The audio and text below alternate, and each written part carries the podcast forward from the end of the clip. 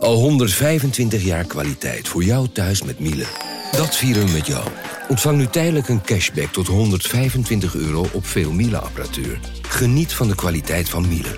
Voor perfect verzorgd wasgoed en kleding die veel langer mooi blijft. Voor een stralend schone vaat, even perfect als jouw diners. En een stofvrij thuis waarin echt hygiënisch schoon de standaard is. Check miele.nl voor alle feestelijke aanbiedingen. Ik ben al jaren ondernemer, maar waar moet ik eigenlijk allemaal aan denken nu ik voor het eerst personeel wil aannemen, voor het eerst ga importeren of voor het eerst een bedrijfslocatie zoek? Weet wat je wel of niet moet doen bij zaken die je voor het eerst oppakt. Check kvk.nl voor praktische stappenplannen. KVK, hou vast voor ondernemers.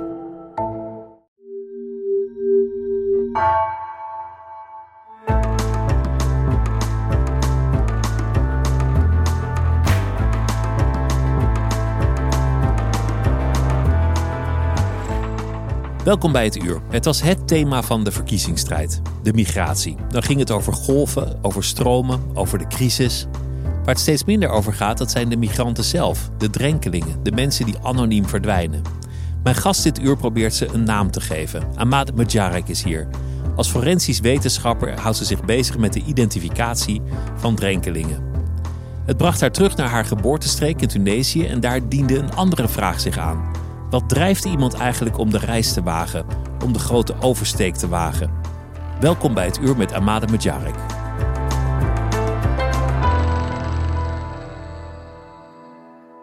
Amaat, welkom. Wat leuk dat je bent gekomen. Dank je wel. Dank je wel voor de uitnodiging. Leuk om hier te zijn. Ja, het, het gaat heel veel, eh, met, ja, ook met, met de verkiezingsuitslag. Het gaat heel veel over migratie. het houdt het is ineens op, weer een actueel onderwerp. Maar, maar er was eigenlijk iets, iets wat mij een beetje verwonderde. Misschien, misschien heb ik het mis. Maar het gaat heel erg over stromen en, en uh, over, over asielcrisis. Maar je hoort eigenlijk heel weinig nog over de, de migranten zelf. Mm Over de drenkelingen, wat eerst zo heel groot nieuws was de hele tijd. Mm daar, daar, lees ik eigenlijk weinig over. Mm Of ik heb het net gemist.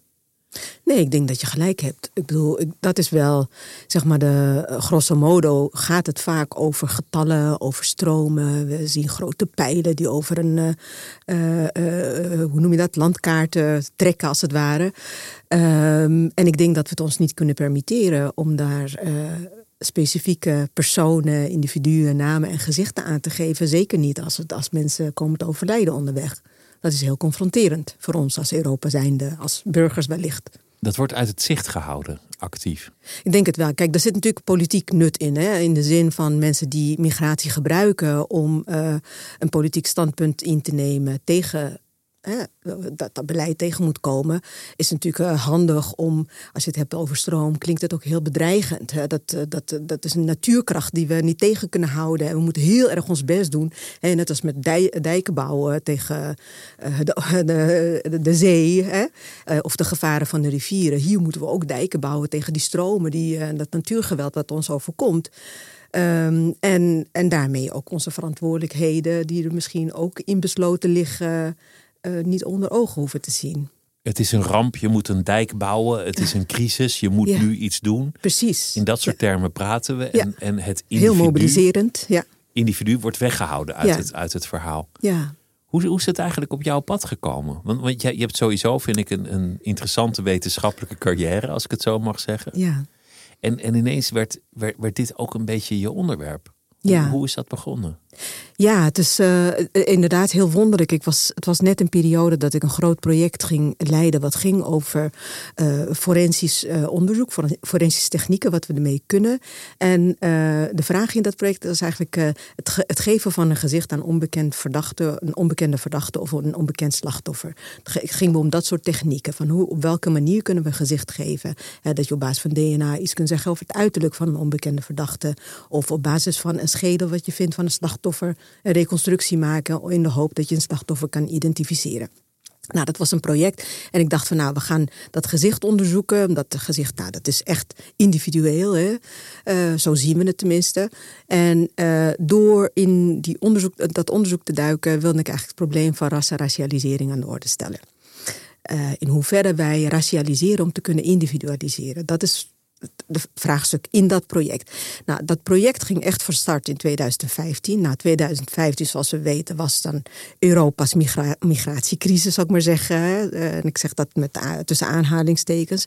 En ehm, wat ik deed in het project is met mijn team naar, verschillende, naar hun verschillende onderzoekssites heen met z'n allen en kijken wat, nou, hoe, die, eh, hoe, hoe we dat samen kunnen denken en diep nadenken over het probleem van racialisering. En een van de sites was uh, Griekenland. Een van mijn uh, PhD-studenten kwam uit Griekenland. Dus we gingen naar Thessaloniki, waar op dat moment net een, een hotspot ehm, werd geopend voor migranten. En eh, ik was geïnteresseerd in de DNA-databank die ze daar net hadden ingericht om dode migranten te helpen, kunnen helpen identificeren. En toen heeft die persoon gezegd van nou, moeten jullie eigenlijk ook even meekomen. Nou, daar gingen we naartoe als team.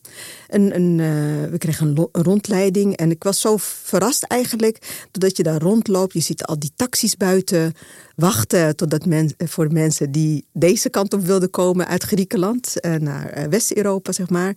Ehm, dat was een bizar beeld. Maar binnen, het leek het net een, een, een camping. Hè? Zoals je een camping kent met kinderen die aan het spelen waren, geanimeerd werden. Uh, er waren wat, wat tenten en uh, plekken waar je een sigaretje kon roken of een koffie kon, kon drinken. En we liepen daar rond en ik keek zo om me heen. Um, en op een gegeven moment lag er een een, zo'n zo'n een, een folium, goudkleurig foliumdeken net voor mijn voeten. En dat was voor mij echt zo'n, ja, alsof het zo'n struikelsteen is die we kennen hier in, uh, in het Amsterdamse. Hè, voor die huizen, die zogenoemde struikelstenen, waar namen van gedeporteerde mensen uit de Tweede Wereldoorlog, Joodse mensen. Zo'n steentje dat zegt hier is iemand weggevoerd en Precies, vermoord. met naam, geboortedatum, datum van deportatie en datum van overlijden in een van de kampen uh, hier, hier, in uh, Europa slachtoffers van de nazi, Joodse slachtoffers van Nazi-Duitsland. Uh, voor mij was dat net zo'n struikelsteen eigenlijk, dat het me het moment van hé, hey, maar dit is niet een camping. We zijn ergens, dit, we, dit is, hier voltrekt zich een drama eigenlijk. Want, want zo'n deken die, die gebruiken ze soms om iemand warm te houden. Precies, precies. Soms wordt die ook gelegd over iemand die al overleden is. Ja. Omdat er even niet iets anders voorradig is. Precies. Wat, wat, was, wat was hier het geval? Ja, voor mij was, kwam dat allemaal bij elkaar. Van er zijn hier mensen die hier het levend hebben gemaakt hier naar het kamp. Ze hebben misschien mensen verloren onderweg. Dus het hele vraagstuk lag in ene voor mij open.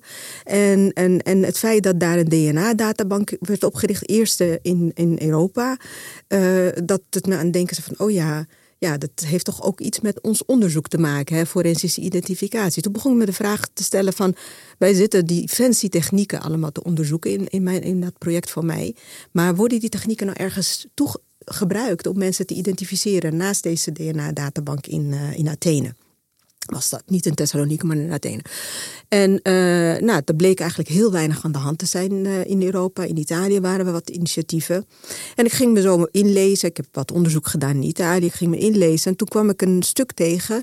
Uh, en dat ging over ja, mensen die aanspoelden in het zuiden van Tunesië.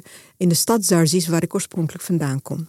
Dus ik heb dat met veel interesse gelezen. Het ging vooral over vissers die hielpen migranten in nood op zee op te vangen en ze veilig te stellen of lichamen mee te nemen. Ofwel de kustwacht uh, aanwijzen en zeggen van nou over drie uur, vijf uur moet hij daar zijn. Want dan spoelen, spoelen daar lichamen aangegeven de windrichting die we constateren. En, en een van die mensen daar, uh, die daar in dat stuk genoemd werd, een van de vissers, was Slahaddin Besherik met een B. En, en ik heette Besherik met een M. Ik dacht, nou, in Zarzis hebben we geen Besherik. Geen Besherik, maar dit moet een Besherik zijn. Dus het moet een familielid van mij zijn. En ik ging naar uh, Zarzis terug en ik was op zoek uh, naar die verschillende vissers, van wie ze zijn, en om, hen, met hen in gesprek te raken. En een vriend van mij die bracht me ook naar deze Slahaddin Besherik. Um, hij was een belangrijk lid van de vissers vissersorganisatie. En ik was met hem zo in gesprek over zijn werk en over wat hij deed. En over het migratieprobleem. En, en, en hij vertelde mij in woorden over hoe moeilijk het is om te, soms om je werk uit te oefenen. Als die geuren die je tegen, eh, die te, tegemoet komen op de zee. Nou ja, goed, ik wil verhalen die ik gewoon nooit meer zal vergeten. Geuren van, van doden? Van doden. Hij zei op een gegeven moment, we konden niet eens meer het werk doen. Het was zo verschrikkelijk. Hij zei, het is nu wel uh, inmiddels beter geworden. Maar gewoon, het, uh, ja, het, je moet je voorstellen, de 40 graden in de zomer en lichamen die dat drijven, decompenseren. Uh, ja, um, Hoe dan ook. Het, het, raakte je. Het, het, ineens, ineens werd het voor jou iets reëels. Ineens zag je van god, dit gebeurt. Er sterven mensen. Ja. Er sterven mensen anoniem. Precies. dat is, dat is en geloof ik ook zo. En uh, ja, uh, omstandigheden. Je, je, zult nooit meer achterkomen wat er is gebeurd, wie ze zijn. Uh, nou ja, ja, al die verhalen van hoop die eigenlijk daar oplossen in de zee. Ja. Want die mensen die hebben grootste dromen, die, die gaan een reis maken, die hebben gespaard, die overleven het niet. En die sterven een zeemansgraf of, of een graf ergens op het land, anoniem. Ja. Maar, maar jij ging onderzoek doen naar de racialisering van DNA. Ja. Wat kan je eigenlijk op basis van een spoor zeggen over de identiteit of het uiterlijk van iemand? Ja. Dan kom je bij toeval daar terecht. Ja. Dan wordt dat verhaal ineens interessant. Ja. Ineens ben je terug in je, in je geboorteplaats, waar, je ook niet had gedacht had, terug te keren. Ja.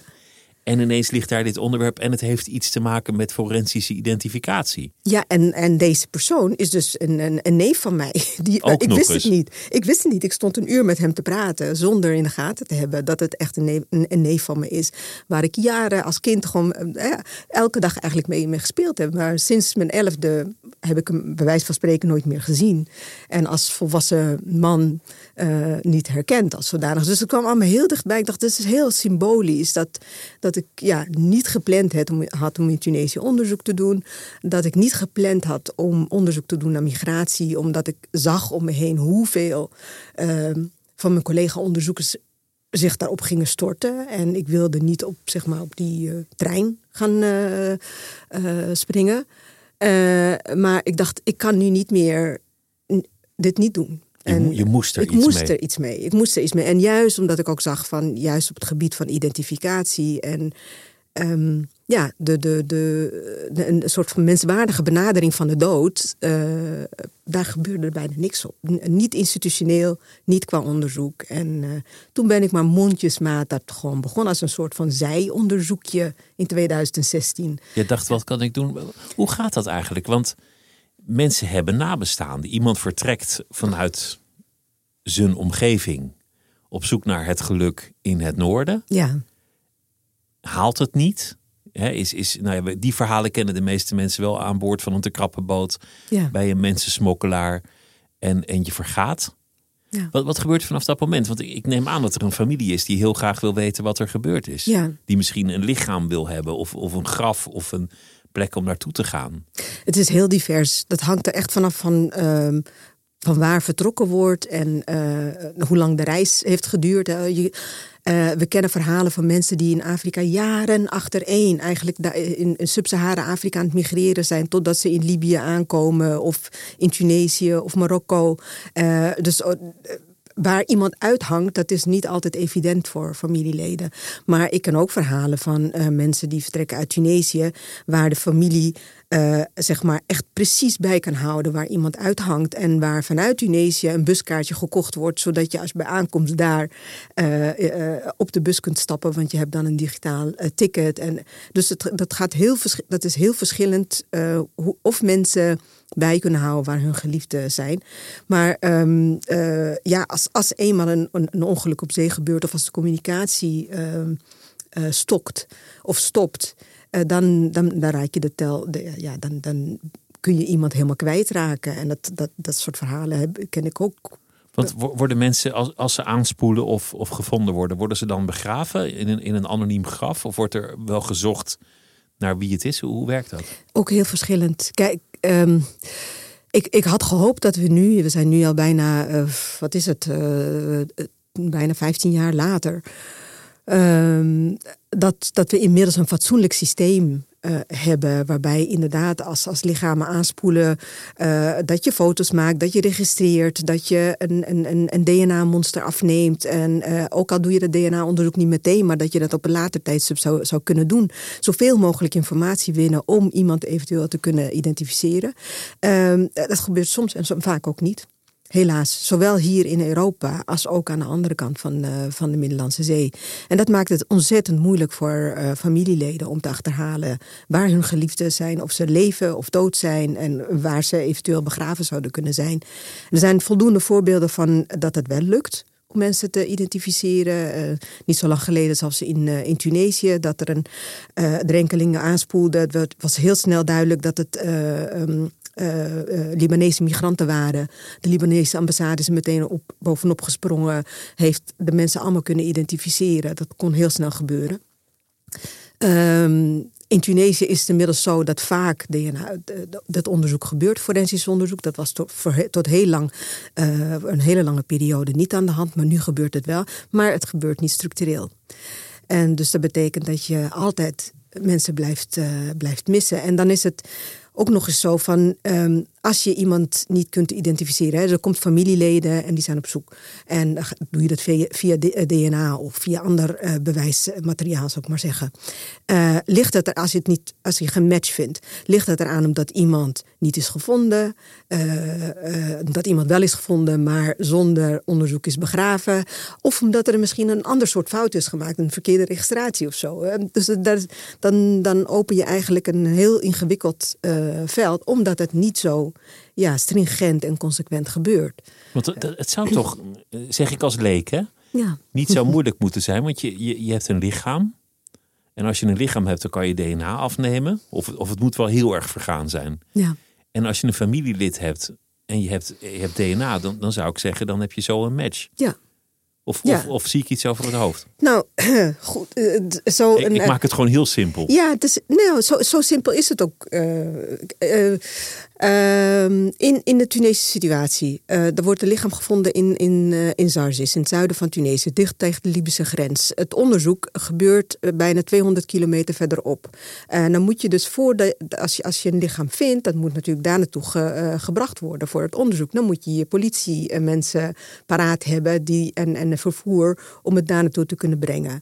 Um, dus als, het, als die mensen niet voorhanden zijn en je mortuaria zijn ook nog eens vol in het, uh, in het ziekenhuis. Er zijn niet veel mortuaria en in de zomer zijn er heel veel verkeersslachtoffers gewonnen. Uh, dus dat, dat, is altijd druk op de, op de ziekenhuizen al daar. Dan kan het zomaar zijn dat het is maar één lichaam, dat zijn er niet vijf of zo, dat er dan besloten wordt van nou we gaan toch gewoon begraven zonder te onderzoeken. Hetzelfde heb ik niet zo lang geleden meegemaakt hier in Lampedusa. Ik, ik werd gebeld op een zaterdag. Uh, uh, maar, er is, er is een lichaam uh, aangespoeld in Lampedusa. Het zou wel eens een lichaam kunnen zijn van het bootje... wat net is vertrokken, twee weken geleden is vertrokken uit Zarzis. Allemaal, inclusief een familielid van mij trouwens. boot gekapseist en we weten niet waar die lichamen zijn. Zijn ze nou verder gekomen, dus in Lampedusa aangespoeld of in de buurt van, uh, van Zarzis. Zaterdag. Uh, dus ik hier, hier vandaan, mijn collega-onderzoekers en activisten bellen om te, op Lampedusa ervoor te zorgen dat de officier van justitie besluit om het lichaam niet te laten begraven, om het daar vast te houden, opdat het maandag onderzocht kan worden. Dus dat is de contingentie waar we mee te maken hebben. Dat in het weekend is gebeurd zo'n lichaam aanspoelen. Zorgen dat het tot maandag wordt bewaard, opdat het dan onderzocht kan worden. Want, want Anders zou het zo in het, iedereen. Ja, dan verdwijnt het zo in het graf. Dat is, daar is niet een stringent protocol dat zegt alle lichamen moeten eerst onderzocht worden voordat ze begraven worden. Dus een soort van neglect van ja, mensen ja, wie weet komt, of er ooit iemand komt die erin geïnteresseerd zijn. We hebben andere problemen aan ons hoofd, dat, dat kan ook. Uh, zorgen voor de levende migranten. Uh, dus er zijn allerlei contingenties waar je mee te maken hebt. Dus het lijkt heel simpel. Hè? Dus, uh, In praktijk is dat niet zo. Dit gaat natuurlijk ook over menselijke waardigheid. Ja. ja. Of, of je iemand identificeert voor Precies. je hem begraaft. Precies. En of je op zoek gaat naar Ja. nabestaanden. Ja, er zijn zelfs een, uh, het is niet een stringente uh, wetgeving, maar een, een richtlijn die zegt dat elk mens het recht heeft om na de dood gekend te worden. Dus het recht heeft op zijn of haar identiteit. En dat, dat zijn we dus vanuit ja, uh, onze burgerschap zijn aan elkaar verplicht. Je kunt je natuurlijk alles voorstellen en iedereen kent wel een verhaal van iemand die vermist is geraakt. Hm. Uit het nieuws of, of, of anderszins. Hoe lang mensen wakker blijven liggen, blijven hopen, Ja, een antwoord blijven zoeken, ja, dat is slopend. dat is, ja, En dat zal voor die mensen daar niet anders zijn. Dus, dus ik, ik denk dat, dat dit echt ook niet alleen gaat over de waardigheid van de overledene, ja. Maar ook die van de nabestaanden. Zeker, want ik bedoel dat, dat voorbeeld wat ik net gaf toen ik dat telefoontje kreeg over Lampedusa. Uh, was trouwens wel gelukt om dat lichaam op te bewaren. Tot, uh, tot die maandag bleek niet te maken te hebben met dat uh, bootje. Dat is een bootje wat vertrok vanuit Zarzis met echt jongeren uit de buurt, mannen, vrouwen en zelfs baby's aan boord. 18 mensen. nou, daarvan zijn alleen zeven lichamen aangespoeld of gevonden. We weten niet wat er is gebeurd met die andere lichamen. Er wordt ook zelfs vermoed dat er misschien mee is gesjoemeld... dat ze zomaar ergens zijn begraven door de overheid, et cetera, et cetera. En de ouders, nou, ik, ik was in september in, uh, in, in Zarzis weer... Eh, weer bij elkaar komen, memoriëren, uh, heftige rouw. ik zei, een van de mensen aan boord was, is een neef van mij ook. En ik, ik was natuurlijk bij zijn ouders weer. En zijn moeder is gewoon, en zijn vader ook, ontroostbaar. Zijn, zijn zusje is gewoon, het is gewoon zo'n diepe rouw. Dat, ja. Maar, maar een stapje terug, want je ging eigenlijk anders onderzoek doen. Dit kwam op je pad. Je, ja. je dacht, dit kan ik niet negeren, want dit gaat over mijn vakgebied. Ja. Forensische uh, identificatie. Ja. En dan ben je daar en dan wil je iets beginnen. Maar ja, het is, het is dan wel je geboortestad, maar je bent er ook jaren niet, niet heel veel geweest. Hoe begin je dan? Wat, hoe, hoe werkt zoiets? Je hebt, je hebt ineens een plan opgevat. wat, wat is dan je eerste stap? Ja, ik, ik had niet eens door dat ik aan het beginnen was. Hè. Dus wel van, oh, hier moet ik iets mee. Maar wat het dan precies is, was voor mij ook op dat moment niet, niet helder. Dus met mensen praten, proberen een, beeld te krijgen wat daar gebeurt. Um, was ook aan het begin, moet ik zeggen, 2016... dat iedereen me wel een beetje vreemd vond dat ik me bezig hield met de dood. We hebben zoveel mensen die levend hier komen... en die hebben veel meer ons hulp nodig. Dus daar, ook zelfs daar, want er stierven niet zoveel Tunesiërs. Hè, want uh, mensen die uit het zuiden vertrokken die, die vertrokken in hele grote getalen. Ja, de, de, die wisten precies van de hoed en de rand en die kenden de goede connecties. Dus er waren nauwelijks slachtoffers. Dus de meeste slachtoffers die er waren, waren mensen uit ver weg Syrië, Afghanistan, uh, Sub-Sahara-Afrika. En daar gold voor, voor ja, ja, hun familie zag, wie weet of ze ooit opkomen. Laten we nou voor de levende zorgen. Nou ja, goed, dat, en ik probeerde daar bewustzijn in, te, bewustzijn in te brengen. En dat we toch ook echt moesten zorgen voor een, een forensische infrastructuur. Dus ik heb ook zeg maar, ja, zowel praten met de mensen in het alledaagse, als ook uh, contact gemaakt met. De patholoog-anatoom en met de Rode Maan. En uh, echt samen proberen te werken om na te denken over zo'n forensisch uh, proces. En gingen dus, al die deuren meteen open? Iedereen nee. nam de telefoon op?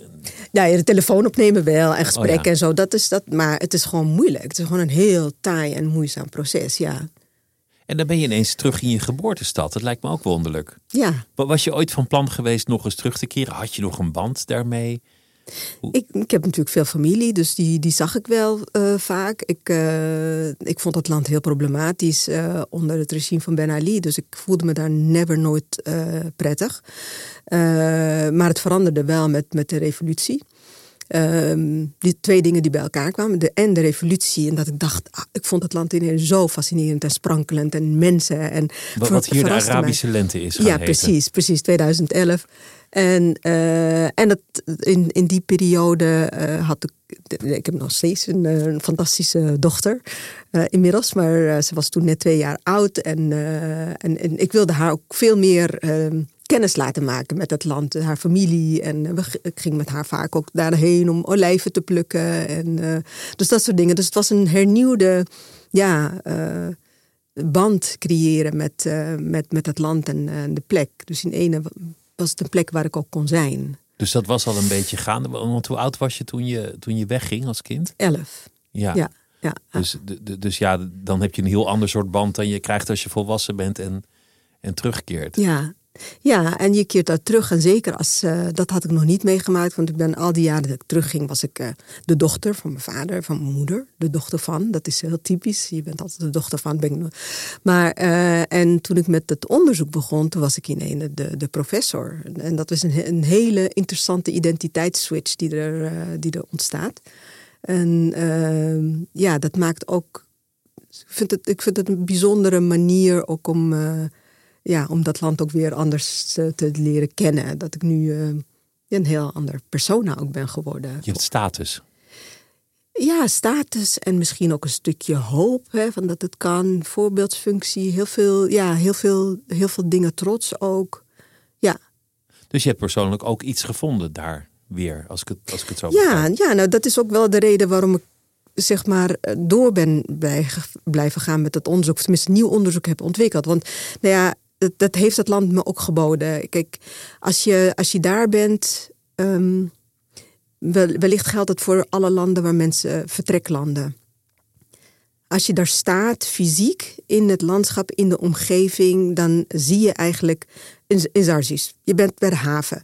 Plek waar heel veel uh, bootjes zijn waar mensen in de nacht uh, mee de overtocht uh, willen wagen. Het is ook de plek waar tonnen en tonnen zout uit diezelfde omgeving naar die boot komen.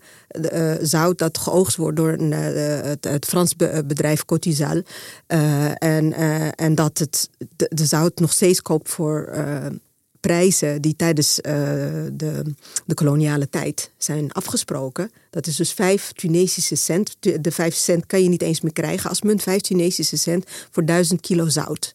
Uh, een van de beste zoutsoorten. Dat, ik heb het over keukenzout. Hè, en het wordt gebruikt natuurlijk in de industrie en ook voor farmaceutische doeleinden. Ik weet niet wat allemaal.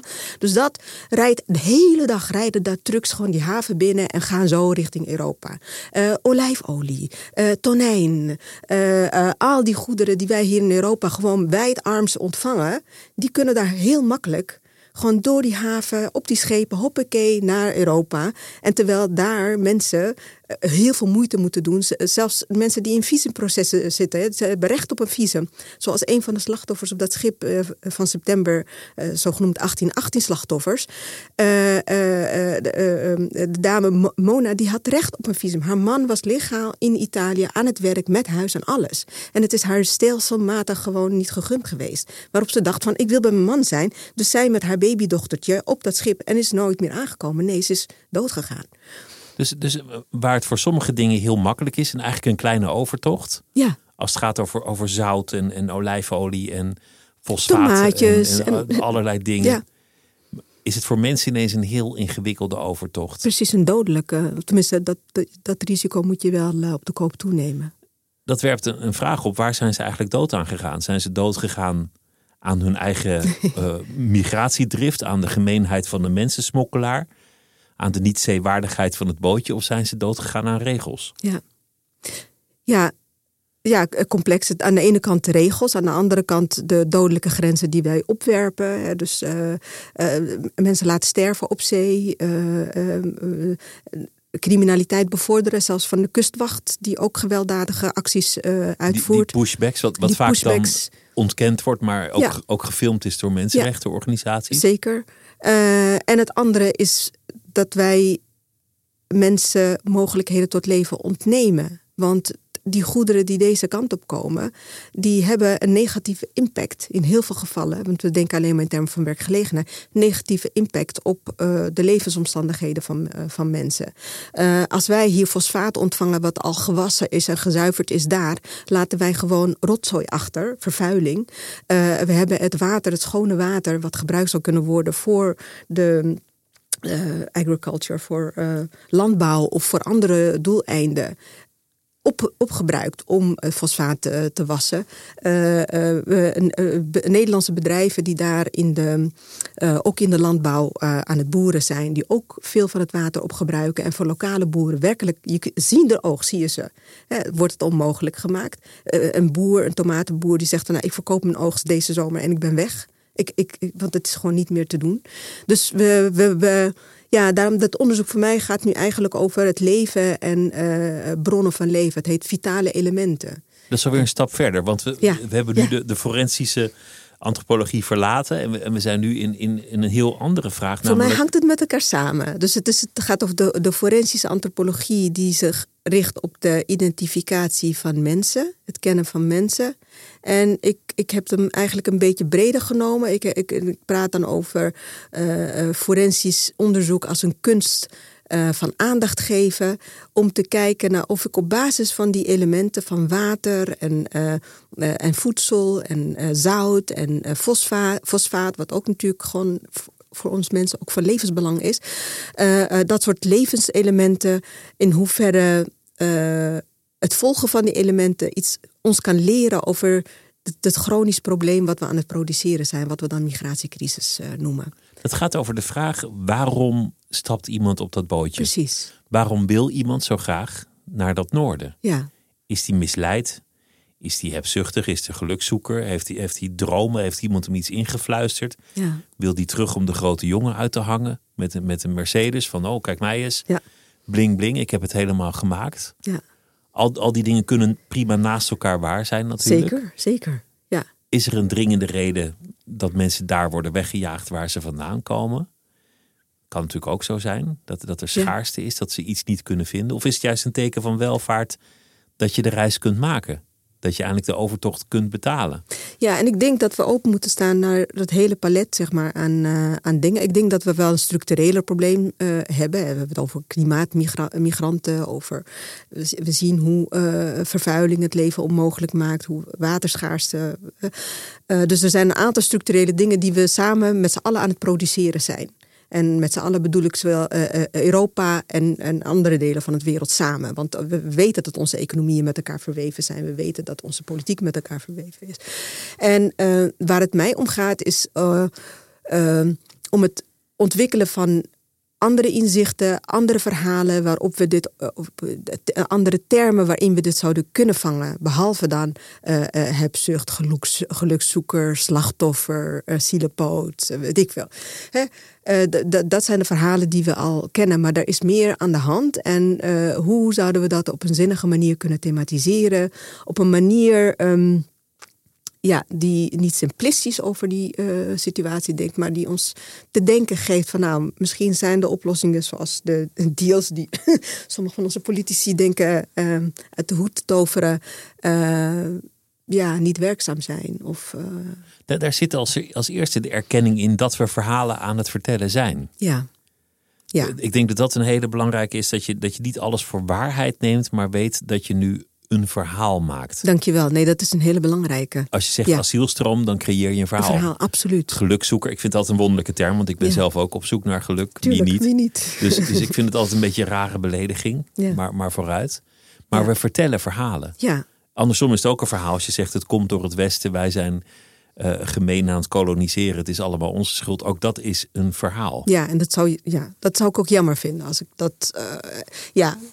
Ehm, ik denk dat als je dit probleem zeg maar eh, wil reduceren tot een één causale relatie van omdat dit, daarom dit, eh, dat, eh, ja, dat het niet helpt, dat het niemand helpt. Het is, het is complexer dan Het is, dat. het is natuurlijk veel complexer dan dat. Tegelijkertijd is het ook goed om daar een soort van patronen in te creëren. En mij gaat het dan om van nou, als we nou naar die ehm, ja, niet zo controversiële dingen gaan kijken, naar die materialiteit en naar water. Ik bedoel, of naar, een, eh, eh, naar zout, keukenzout.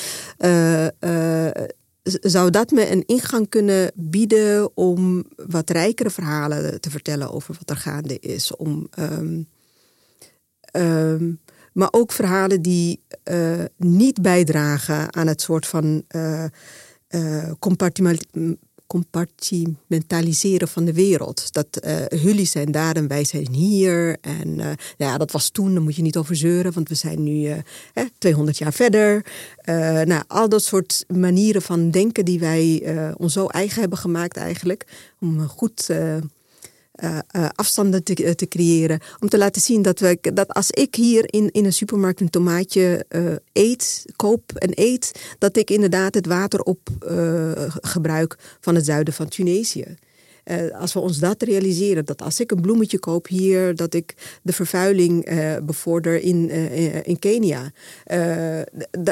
Dat zijn relaties die wij noodgedwongen aangaan. Want we kunnen ons niet terugtrekken op de hei en eh, self-sufficient zijn. Eh, we, we, we leven in een complexe wereld waarin wij tegen wil en dank al dat soort complexe re- relaties met elkaar aan moeten gaan. Hoe kunnen we ons dat veel meer bewust zijn? En wat voor andere mogelijkheden biedt het ons eigenlijk? Met- om... met- je zou dus eigenlijk kunnen zeggen dat, dat welke rol speelt Europa in het veroorzaken van een migratiecrisis die vervolgens Europa zelf treft?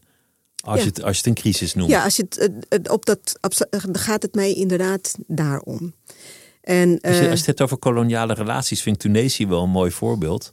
Omdat de, de vertrokken dictator Ben Ali, die was de grootste financier van alle politieke partijen in Frankrijk. Om maar een detail te noemen. Interessant detail, ja. hij had daar dus, hij kocht dus invloed in de Franse politiek. Ja, ja. Omdat hij wist dat dat hem in het zadel zou houden. En die Fransen die wisten ook dat ze, dat ze heel veel koloniale koopjes konden behouden als ze met hem zaken bleven doen. Ja. Je, je noemde terloops de, de, de, de migratiedeal. Die, die is gesloten. daar speelde Nederland ook een rol in. Mhm. Uh, dat Tunesië voortaan gaat helpen in ruil voor geld met het tegengaan van migratie. Wat, wat heb jij daarvan gezien, van het, van het effect daarvan? Nou, wat je al langer dan, uh, dan immigratiedeal ziet, uh, ziet, is dat er wel veel um, uh, financiële um, steun is gekomen om de Tunesische politie te professionaliseren en de kustwacht te professionaliseren. Um, veel meer biometrische technieken, zou ik maar zeggen, gebruikt werd. Dus dat is, dat is eigenlijk het meest tastbare, ja, hoe noem je dat? Dat is het meest zichtbare. Bewijs, zichtbare bewijs, zeg maar, van, uh, van die relatie. Nou, de deal zelf. Uh, op het moment, de, de, dag zeg maar dat uh, Qais Said dat geld terugstortte, dat was een moment van, hm, kijk eens dat gedaan hebben. En er zijn, hij, hij, heeft natuurlijk heel veel steun nog steeds in Tunesië, ondanks al die rare beelden die hij heeft en de wereld in helpt.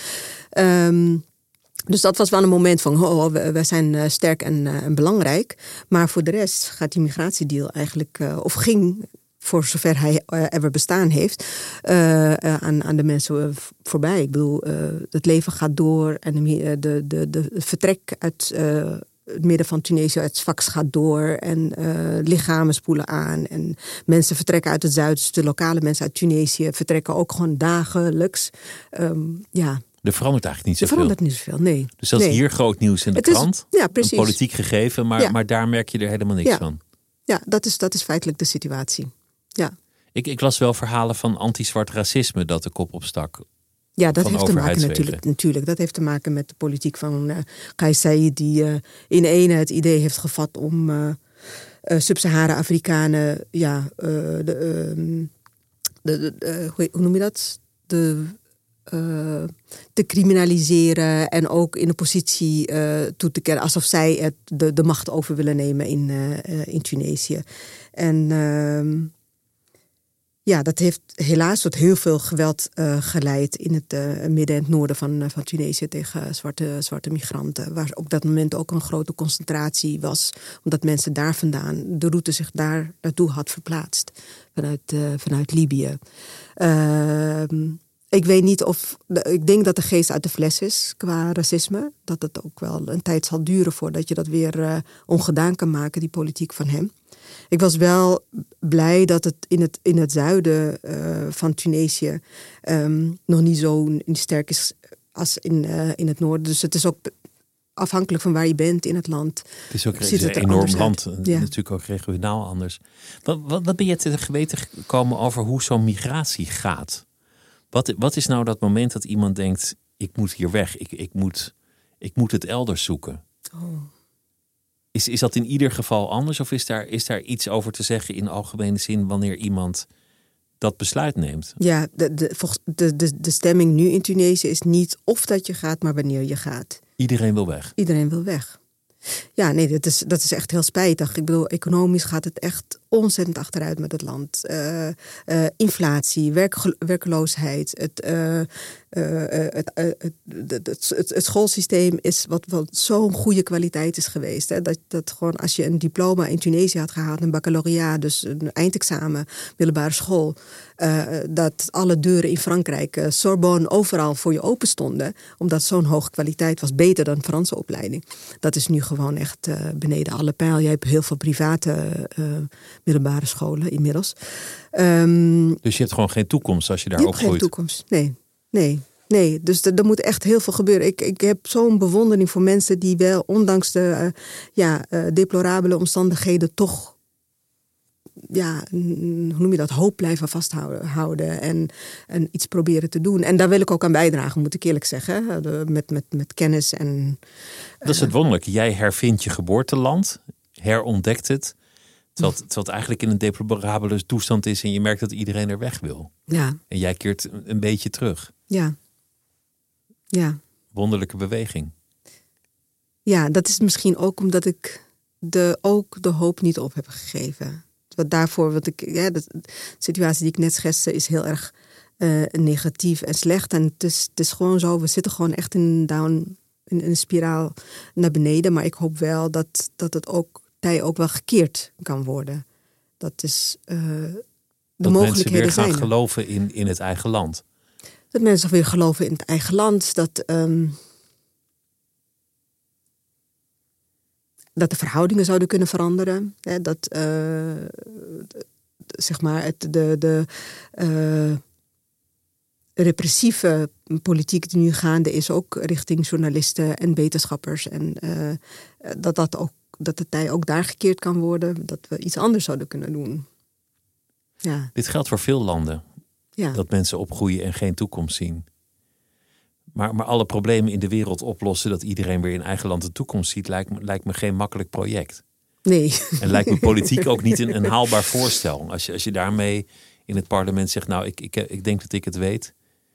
Dat, nee, maar dat zou, dat, volgens mij is, is dat precies waar de wereld aan, aan leidt. Dat we allemaal denken dat we, dat we een quick fix hebben voor uh, dergelijke problemen. Maar ik denk dat je, ja, daar waar een, een, een, een, een een, alternatieve, een voorbeeldig eigenlijk, een voorbeeldige situatie ontstaat. Dat je daar uh, je omheen organiseert en denkt nou, hoe kunnen we dit, wat kunnen we hiervan leren? Welke elementen zijn eigenlijk voor andere plekken ook interessant om uit te proberen?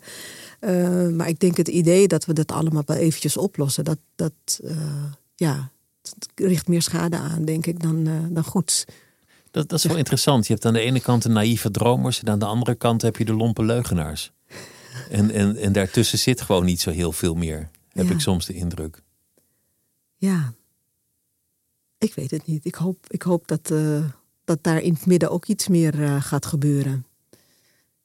Het is, het is natuurlijk ook, kijk, we zijn heel erg opge uh, groeit. En misschien is het ook prettig vertoeven van het idee van vooruitgang. Het idee van uh, uh, als we ons best doen, dan maak je stappen vooruit. En de volgende generatie heeft het beter. En de technologie staat voor, de techniek staat voor niks. En we lossen dingen op, hè, problemen oplossen. Ik las een mooi stuk trouwens voor Arjen van Velen ook over problemen oplossen in, in het NRC gisteren of eergisteren, uh, ook zoiets. En dat is een heel modernistisch idee, dat we vooruit gaan. Ja, we moeten accepteren, we hebben gewoon een zootje gemaakt van, de, van, van dit planeet. Uh, we weten niet of we de problemen op kunnen lossen. Kunnen wij ons, kunnen we berusten in het idee van dat het niet alleen maar beter wordt en dat we nog heel veel gedoe uh, gaan krijgen en heel veel narigheid gaan krijgen en toch het leven leven en het leven zo goed mogelijk leven. En hij, toch... hij, had het voorbeeld in dat stuk van een, een architect die een ja, plein moest onder, ondernemen. Prachtig. Of, renoveren en Ja. lang naar het plein had gekeken Ja. en terugkwam en zei: Het plein is goed zoals het Ja. is. Ja, Dit is ga- het perfecte ga- plein. Ga een klein beetje zorg eh, doen. Iets meer liefde, geef de plantjes water. De plantjes, precies. En een, een likje verf hier en daar. Dan is het gewoon goed. En het is wat het is. Ik Nou, denk dat- dat, dat- het daarover gaat, ja. Het gaat dus heel erg over verhalen vertellen, over, over framing. In die zin zijn we in Europa, denk ik, ook hypocriet ten aanzien van migratie, omdat heel veel industrieën drijven op migranten Ja, als goedkope arbeidskrachten. natuurlijk. De trein wordt niet schoongemaakt zonder migranten. Nee, De kassen worden niet eh, geoogst zonder, zonder migranten. Zo, zo kan je uren doorgaan. ja. Onze boeken worden niet geleverd, de truien, weet ik, ik bedoel, het is aan alle kanten. De grenzen van De Europa. drijft erop. Precies, precies. En ze zeggen grenzen dicht, maar die grenzen zijn niet dicht voor de goedkope producten. En die grenzen waren ook niet dicht toen, toen er gekoloniseerd moest worden. Dus in die zin is grenzen dicht ook altijd een eenzijdige dichtheid van de grens. Het is een, een verhaal die eh, het goed doet. Het idee van grenzen dicht, als een, eh, een, muurtje bouwen, een eh, elektrische, weet ik veel, eh, eh, monitor plaatsen, wat dan ook. Dat, dat, dat doet het goed bij verkiezingen. Dat, het, het, het, is, het is een beeld wat blijft, blijft hangen.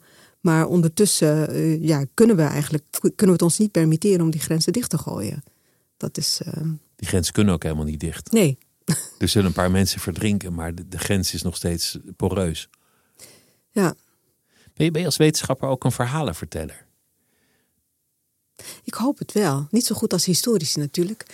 Maar uh, die zijn echt geboren verhalenvertellers. Maar ik hoop het wel. En ik denk ook dat dat een trend is, ook in mijn vakgebied. Of het nou uh, de, de, de, antropologie, de antropologen natuurlijk. Eh, er zitten heel, uh, hele mooie voorbeelden van, van mensen die bijna romans hebben geschreven als, als monografie.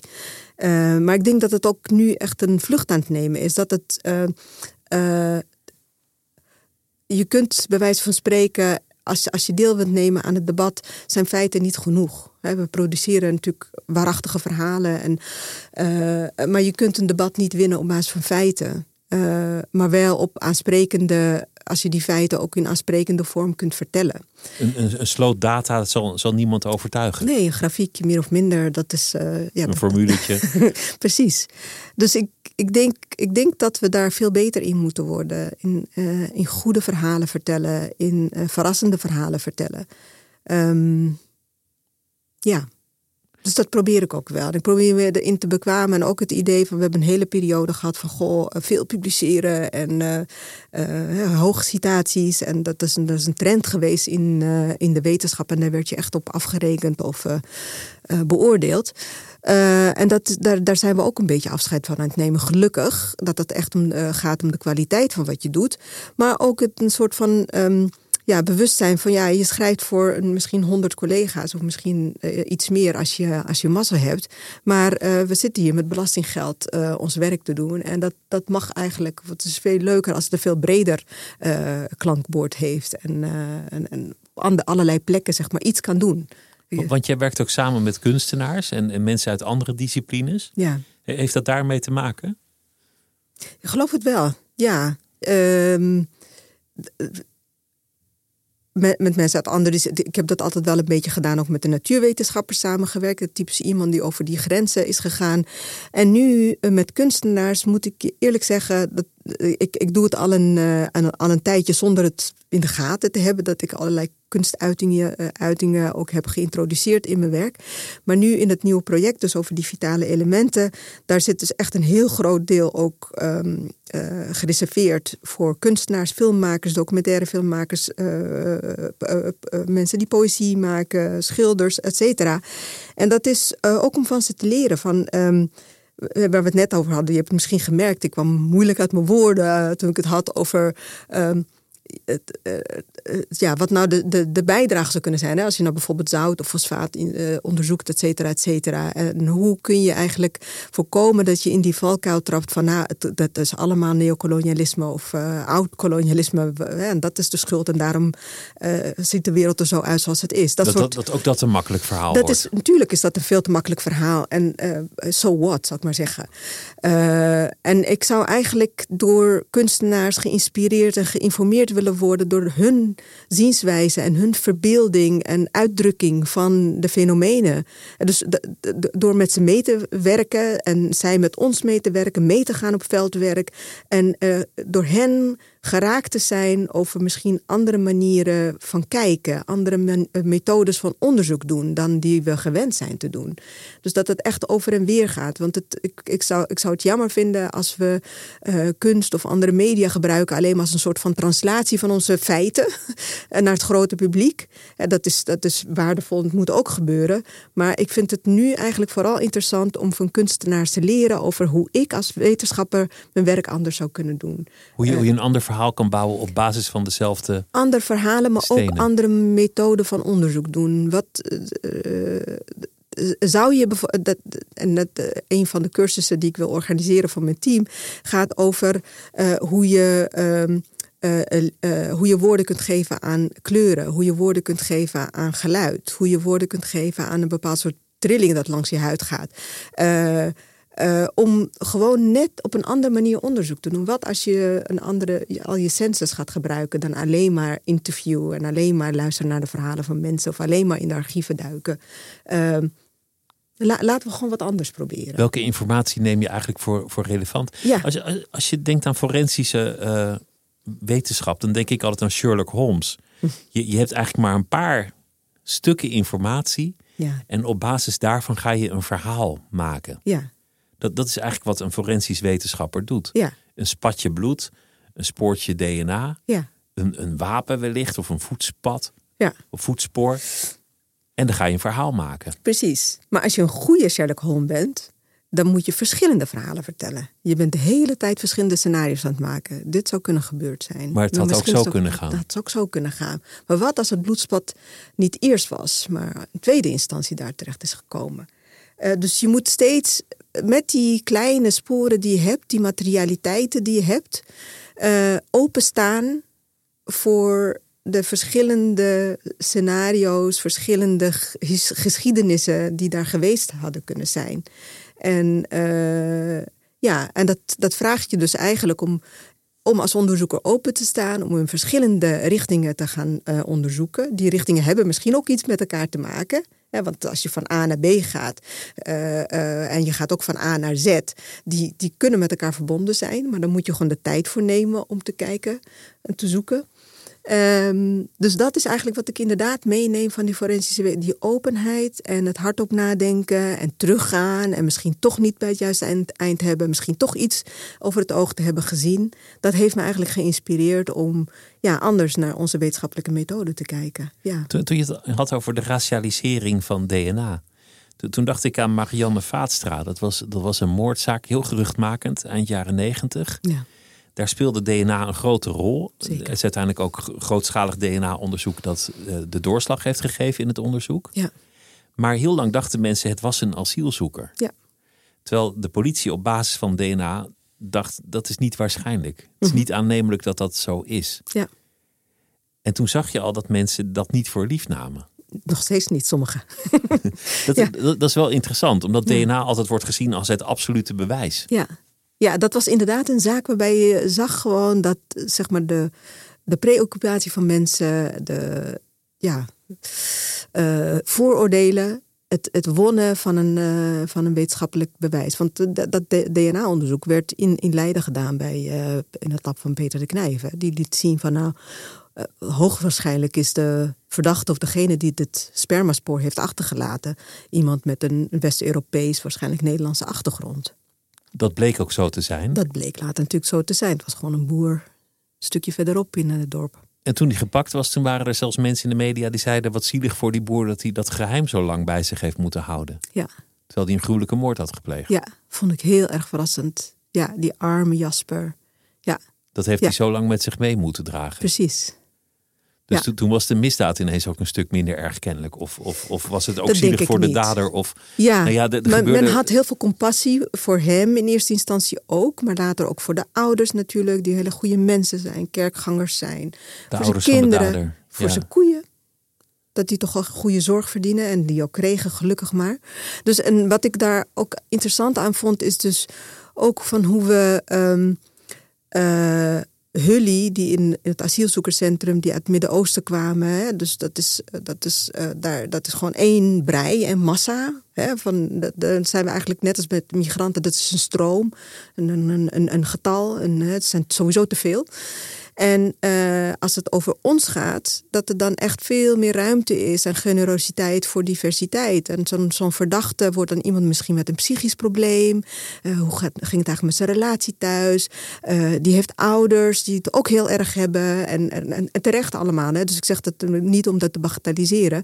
Maar er is er ruimte om zo iemand zijn individualiteit serieus te nemen in al haar facetten. En, en dat gunnen we de ander niet. Want, want toen, toen het nog een beoogde asielzoeker was, die, die anoniem verdacht was, Ja, toen zeiden ze beestachtig dat je iemands keel doorsnijdt. Zie je wel. dat is geen Nederlandse moord. Ja, Ja, ja, wel, wel interessant dit soort dingen. ja. Ja, hoe, hoe is het eigenlijk als je, als je migreert en, en ergens nog een andere plek hebt? Want het is ook een beetje het leven dat je had kunnen leiden. Je, je hebt je leven hier, je leven da- zoals het gegaan is. Mhm. Maar ergens is er ook een soort alternatief scenario van dit had ook je leven kunnen zijn. Ja, die zie ik soms voor me, ja. Wat, wat zie je dan voor je? Ja. Ja, ik, ik heb een, eh, een hartsvriendin in Tunesië waarmee ik naar school ben gegaan. Nog steeds mijn vriendin. Eh, haar man, die, die mij trouwens op sleeptouw had eh, genomen toen ik het, het onderzoek begon. Faisal. ehm, die mij, omdat hij ook een visser is, heeft mij echt kennis laten maken met al die, eh, eh, alle vissers. Ehm, Hij is uh, tijdens COVID, want toen was hij taxichauffeur, helaas overleden. Um, ja, ik zie haar leven voor me. Dat had ik ook, had ik ook kunnen worden. We waren zo met elkaar vervlochten als kinderen. Uh, dat had ook mijn leven kunnen zijn. Heel makkelijk. En wat denk je dan als je daaraan denkt? Nou, moet ik eventjes scherp nadenken. Ik was, ik was wel leergierig, dus ik, en ik had wel de droom om te gaan studeren. Wellicht dat ik dan uh, arts was geworden en daar in het Zarzische had gewoond. Ja, of, of ergens anders in Tunesië. Maar uh, tegelijkertijd zie ik Fozia voor me en dat, is ook, dat had ook mijn leven kunnen zijn. Je weet niet hoe het... Uh, um, ja, een beetje bedrukkend. Toch ja. wel? Ja, ja. Ja. Ja, ik, uh, hoe zal ik het zeggen? Uh, je ziet het ook aan.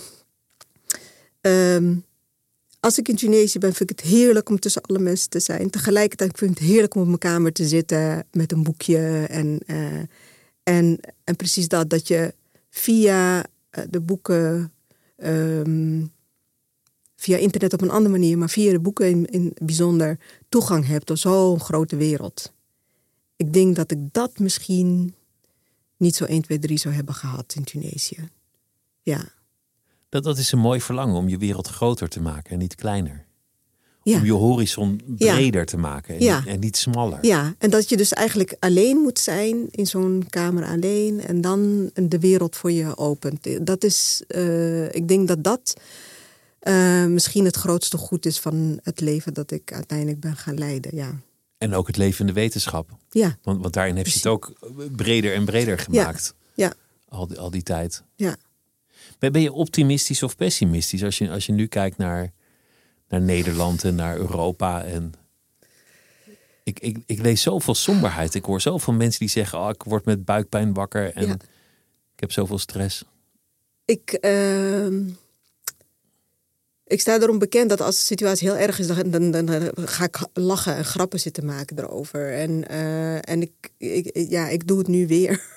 Je en maakt het grappen. kan eigenlijk niet, erg, niet erger. Ik bedoel, we hadden uh, uh, aardbeving in Marokko, overstroming in Libië, oorlog in, in Gaza, de verkiezingen in Nederland, de, de wereldstad Hawaii-brand, overstromingen in, in Azië.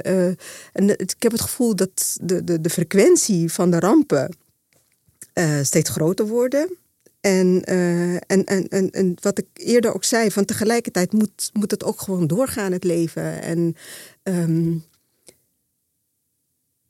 ja, ja, misschien dat de, de bewustzijn van, nou, wat ga ik bijdragen aan het leven vandaag? That's it. Dat je iets kan doen ja. voor iemand. Ja.